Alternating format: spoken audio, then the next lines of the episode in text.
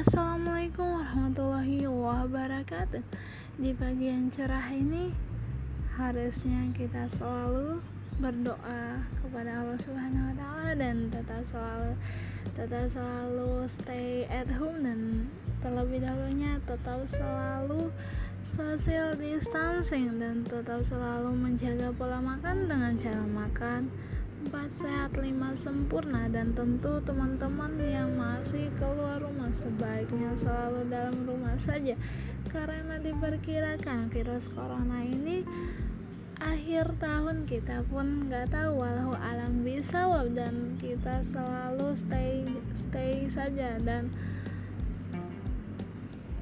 selesai sudah